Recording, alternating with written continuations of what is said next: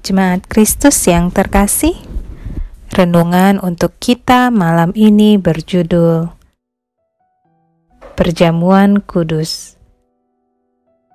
Dan bacaan kita diambil dari 1 Korintus 11 ayat 26 hingga 34. Begini firman Tuhan. Sebab setiap kali kamu makan roti ini dan minum cawan ini, kamu memberitakan kematian Tuhan sampai Ia datang. Jadi, barang siapa dengan cara yang tidak layak makan roti atau minum cawan Tuhan, ia berdosa terhadap tubuh dan darah Tuhan. Karena itu, hendaklah tiap-tiap orang menguji dirinya sendiri, dan baru sesudah itu ia makan roti dan minum dari cawan itu. Karena barang siapa makan dan minum tanpa mengakui tubuh Tuhan, ia mendatangkan hukuman atas dirinya. Sebab itu, banyak di antara kamu yang lemah dan sakit, dan tidak sedikit yang meninggal. Kalau kita menguji diri kita sendiri, hukuman tidak menimpa kita. Tetapi kalau kita menerima hukuman dari Tuhan, kita dididik supaya kita tidak akan dihukum bersama-sama dengan dunia.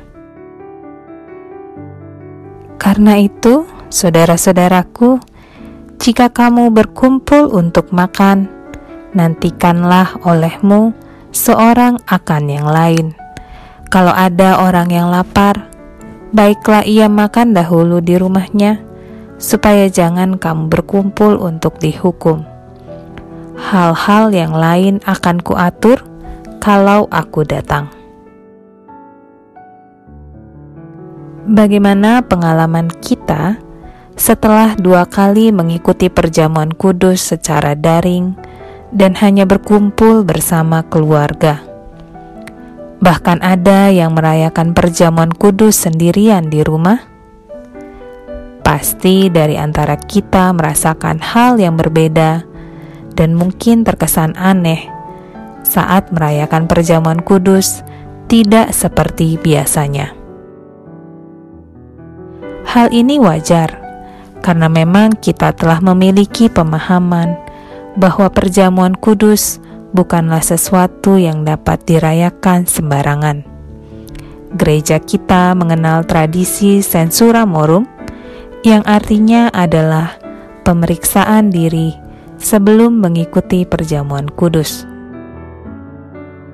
Hal ini selaras dengan apa yang dikatakan oleh Paulus, bahwa tidak boleh sembarangan saat kita makan dan minum dalam perjamuan setiap orang harus menguji diri sendiri.